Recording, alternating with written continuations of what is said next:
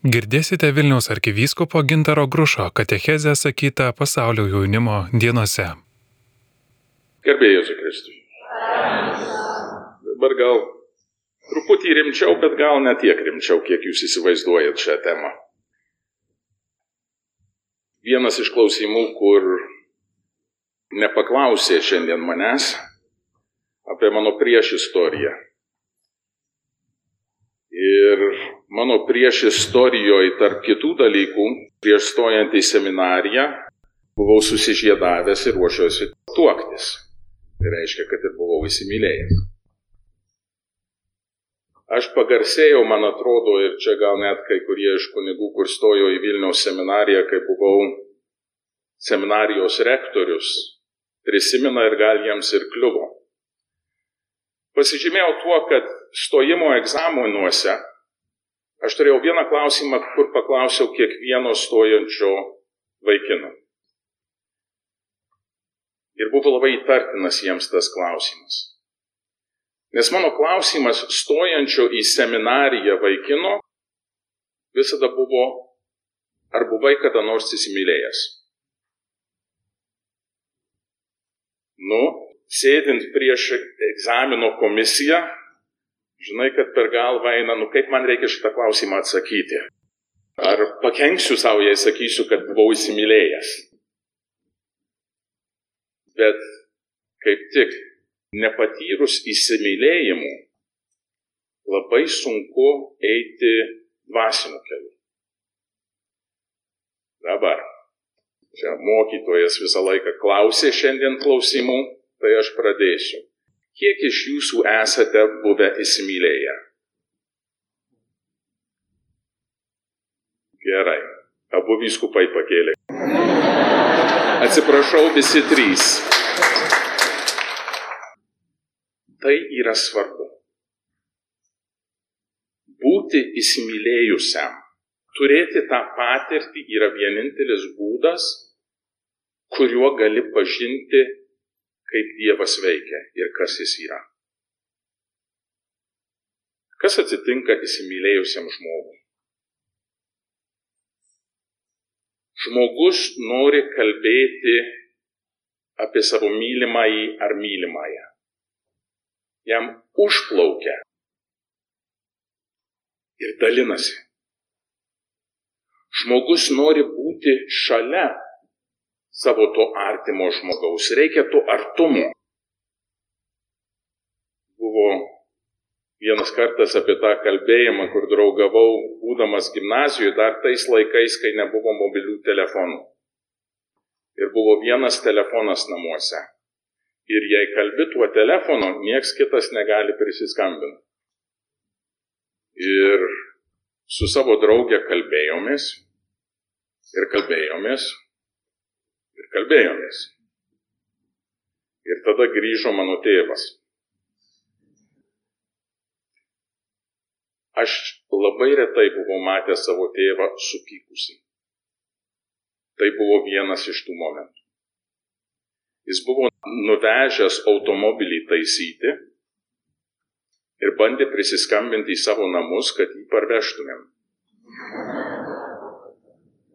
Aš telefonu kalbėjau dvi su pusę valandų. Labai nepatenkintas buvau, kai grįžo namo. Bet tai yra natūralus įsimylėjusių žmonių bruožas. Mes kalbamės. Mes norim būti su kitu, sužinoti. Ir mes prarandam laiko suvokimą. Gali kalbėtis, būti kartu, nesvarbu kiek. Kitas bruožas apie buvimą su žmogumi, kuris tave myli, yra sakoma, kad savo tikrąjį veidą, savo tikrąjį aš gali pamatyti tik mylimojo žmogaus akise ar žvilgsnėje. Įsižiūrėti į artimo akis. Ta patirtį mes pirmiausiai turim su savo motina. Nes mes atpažįstam save, matydami motinos žvilgsnį. Mes tą patirtį kartojame su mylimajo žmogumi, bet ta pati patirtis yra mūsų patirtis su Dievu. Mes save matom po mylimojo asmens žvilgsnį. Ir mes save atpažįstam, kas mes iš tikrųjų esam tame žvilgsnėje. Šiandienos tema jo gailestingumą iš kartos į kartą. Tas gailestingumas iš tikrųjų kyla iš Marijos Magnificat giesmės. Yra labai graži giesmė, kurią mes kartojam kasdien valandų liturgijoje. Bet kai mes mokomės, mes apie ją galvojam, kad labai gražiai teologiškai sudėstyta malda. Įsiklausykite ją kitų žvilgsnių. Yra jaunos įsimylėjusios paauglės kalbėjimas apie savo mylimai. Mano siela šlovina viešpatį, mano dvasia džiaugiasi Dievu savo gelbėtoju, nes jis pažvelgė į savo nuolankę tarnaitę. Tai yra mergina, kuri gavo meilės žvilgsnį ir meilės patirtį iš ją mylinčio Dievo. Ir jinai natūraliai į tą reaguoja. Į tą nori dalintis. Ir dalinasi su Elsbieta. Dievas mane myli. Aš esu mylima. Dievas pažvelgia į. Štai nuo dabar palaiminta mane vadins visos kartos, nes didžių dalykų padarė man viešpats ir šventas yra jo vardas. Visi matys, kokia aš esu laiminga. Palaiminta reiškia laiminga. Ar nesimato? ant kito žmogaus, kai jis yra mylimas. Mes sakom, kad jis ar jinai švyti. Čia Marija įvardina tą švitėjimą. Jis maloningas iš kartos į kartą tiems, kurie jo klauso. Jis parodo savo rankos galybę ir išsklaido iš didžios širdies žmonės. Numeta galiūnus nuo sosto ir išaukština mažuosius alkstančius gerybėmis apdovanoja, turtuolius tuščiomis paleidžia. Ir čia atrodo, kad kalba apie Dievą, kur kai kuriuos myli, kai kuriuos ne. Bet ne taip. Dievas, kuris visus myli ir veikia su jais, kad jie pasiektų tą meilės supratimą. Jei aš esu išdidus, Jei aš engiu kitus, tai aš negalėsiu patirti Dievo meilės. Ir mane reikės pakeisti ir Dievas tokiu būdu bando pritraukti žmogų prie savęs. O tuos mažuosius jis daro viską, kad jiems padėtų. Iš savo meilės. Jis ištiesė pagalbos ranką savo tarno Izraeliui kad minėtų jo gailestingumą, kaip buvo žadėjęs mūsų protėviams, Abraomui ir jo palikonėms per amžius. Kas yra tas? Kodėl Dievas nori, kad mes minėtumėm jo gailestingumą per amžius? Jis veikia, kad mes apie jo gailestingumą kalbėtume.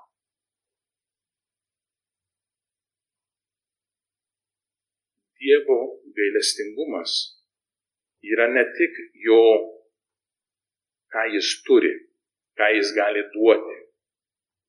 Dievo gailestingumas yra Dievo esmė. Jis yra meilė, kur nori būti mylimas, bet jis pirmiausiai negali kitaip elgtis.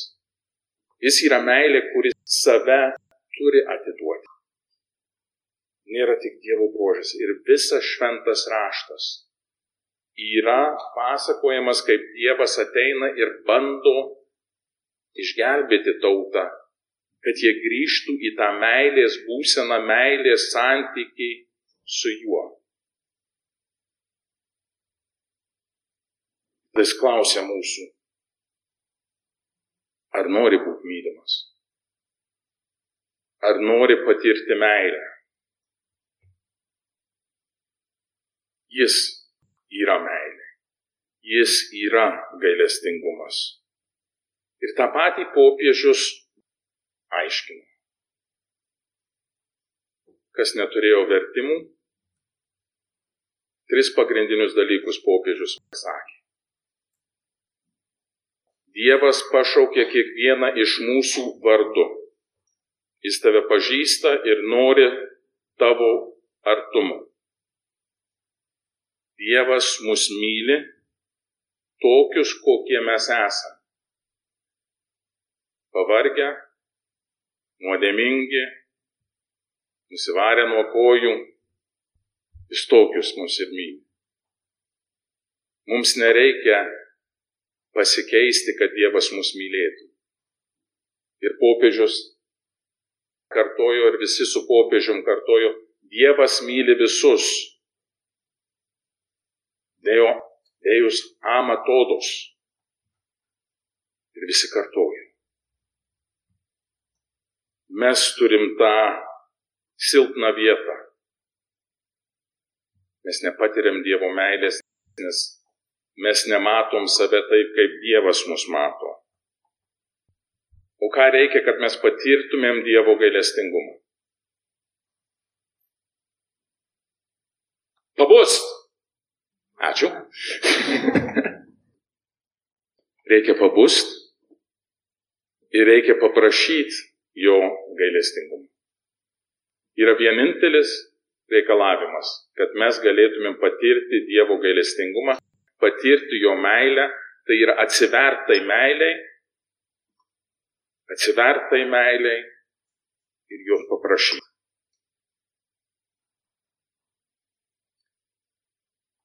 Koks didžiausias pavojus? Kad mes ieškom meilės ne ten. Mes ieškom meilės pakaitalų. Ar kas nors yra žaidžia su vaiku, kuris verkia. Ką reikia daryti, kai vaikas verkia? Atkreipti jo dėmesį į ką nors kitą. Žaisliuką, blizgutį, numest, kad jis apie tai negalvotų. Kai kas duoda ir telefoną, kad nukreipdėmėsi. Taip. Aš mėgstu su vaikais savo kryžių sukinėti ir staiga jų dėmesys atsikreipia. Jei mes, būdami ne visada labai protingi, bent tiek suprantam, tai velnės, kuris yra intelektas, tą dar labiau supranta. Ir velnės mums siūlo aibę visokių pakaitalų tikrai meilė. Jis siūlo bet ką, kad nukryptų mūsų žvilgsnis nuo tikrosios meilės. Tai gali būti tik tai fizinė meilės patirtis. Tai gali būti įsiblaškimas kituose dalykuose. Tai gali būti pasisvaiginimas ar atitraukimas nuo realybės, kurioje yra meilė. Bet einant to keliu, mes netrandam tikros meilės.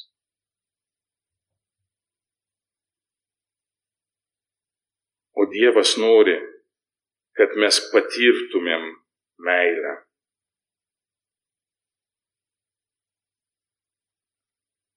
taip lengvai neišgirsti Dievo meilės žodį mums. Ir taip mažai reikia, kad mes galėtumėm jį išgirsti. Pirmiausiai, reikia truputį tylos, kad galėtumėm įsiklausyti, ką Dievas mums kalba.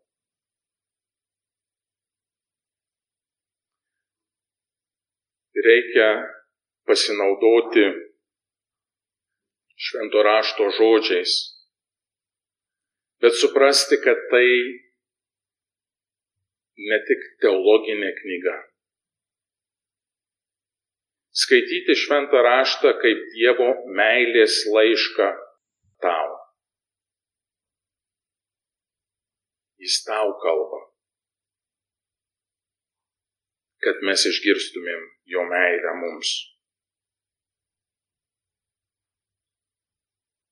Šiandien dar kartą bus proga atlikti išpažinti, eiti susitaikinimo sakramento. Jeigu mes einam iš pažinties su sąrašu, kaip eitumėm į skalbyklą, tų dalykų, kur reikia išplauti, kad jie būtų švarūs, mes rizikuojam nepastebėti, kad tikslas nėra įskalbti savo nešvarus rūbus. Tikslas yra patirti Dievo artumą ir jo apkabinimą. Patirti jo meilę ir jo gailestingumą. Jei mes norim patirti Dievo artumą, jo meilę mums. Tai Eucharistinė adoracija yra tas kelias. Kaip tik yra Arso klebono kunigo vienė diena šventė. Ir yra istorija apie jį, kaip jis atėjo į savo parapiją ir matė kaimietį, vyrą sėdintį bažnyčioj prie tabernakulio. Ir pastebėjau, kad jis ten ilgai sėdi. Neiškentė, nuėjau pas jį ir paklausė, ką tu čia darai? Tas paprastas kaimietis sako, aš žiūriu į jį ir žiūri į mane tai yra įsimylėjusių būsena. Žiūrėti kitam į akis, prarast laiko savoką ir pajusti mylimojo artumą. Liturginiam skaitinyje irgi tas pats Arso klebonas, mokydamas kitus, sakė, jei jums atrodo, kad laikas labai įsitempia, kad labai ilgai kažkokia kelionė, kažkoks buvimas, tai greičiausias būdas tą patvarkyti yra maldoje. Prašė, važiuoju ilgoj kelioniai ir pradedu melstis ir žiūriu, kaip greitai tas laikas prabėga. Tuo ir mums. Šiandienos gailestingumo tema dar vienas kvietimas svajoti apie meilę, trokšti tos meilės, siekti jos visų savo gyvenimą. Nes tai vienintelis būdas, kad mes tikrai būsim laimingi. Įsimylėkit. Įsimylėkit tikrą meilę.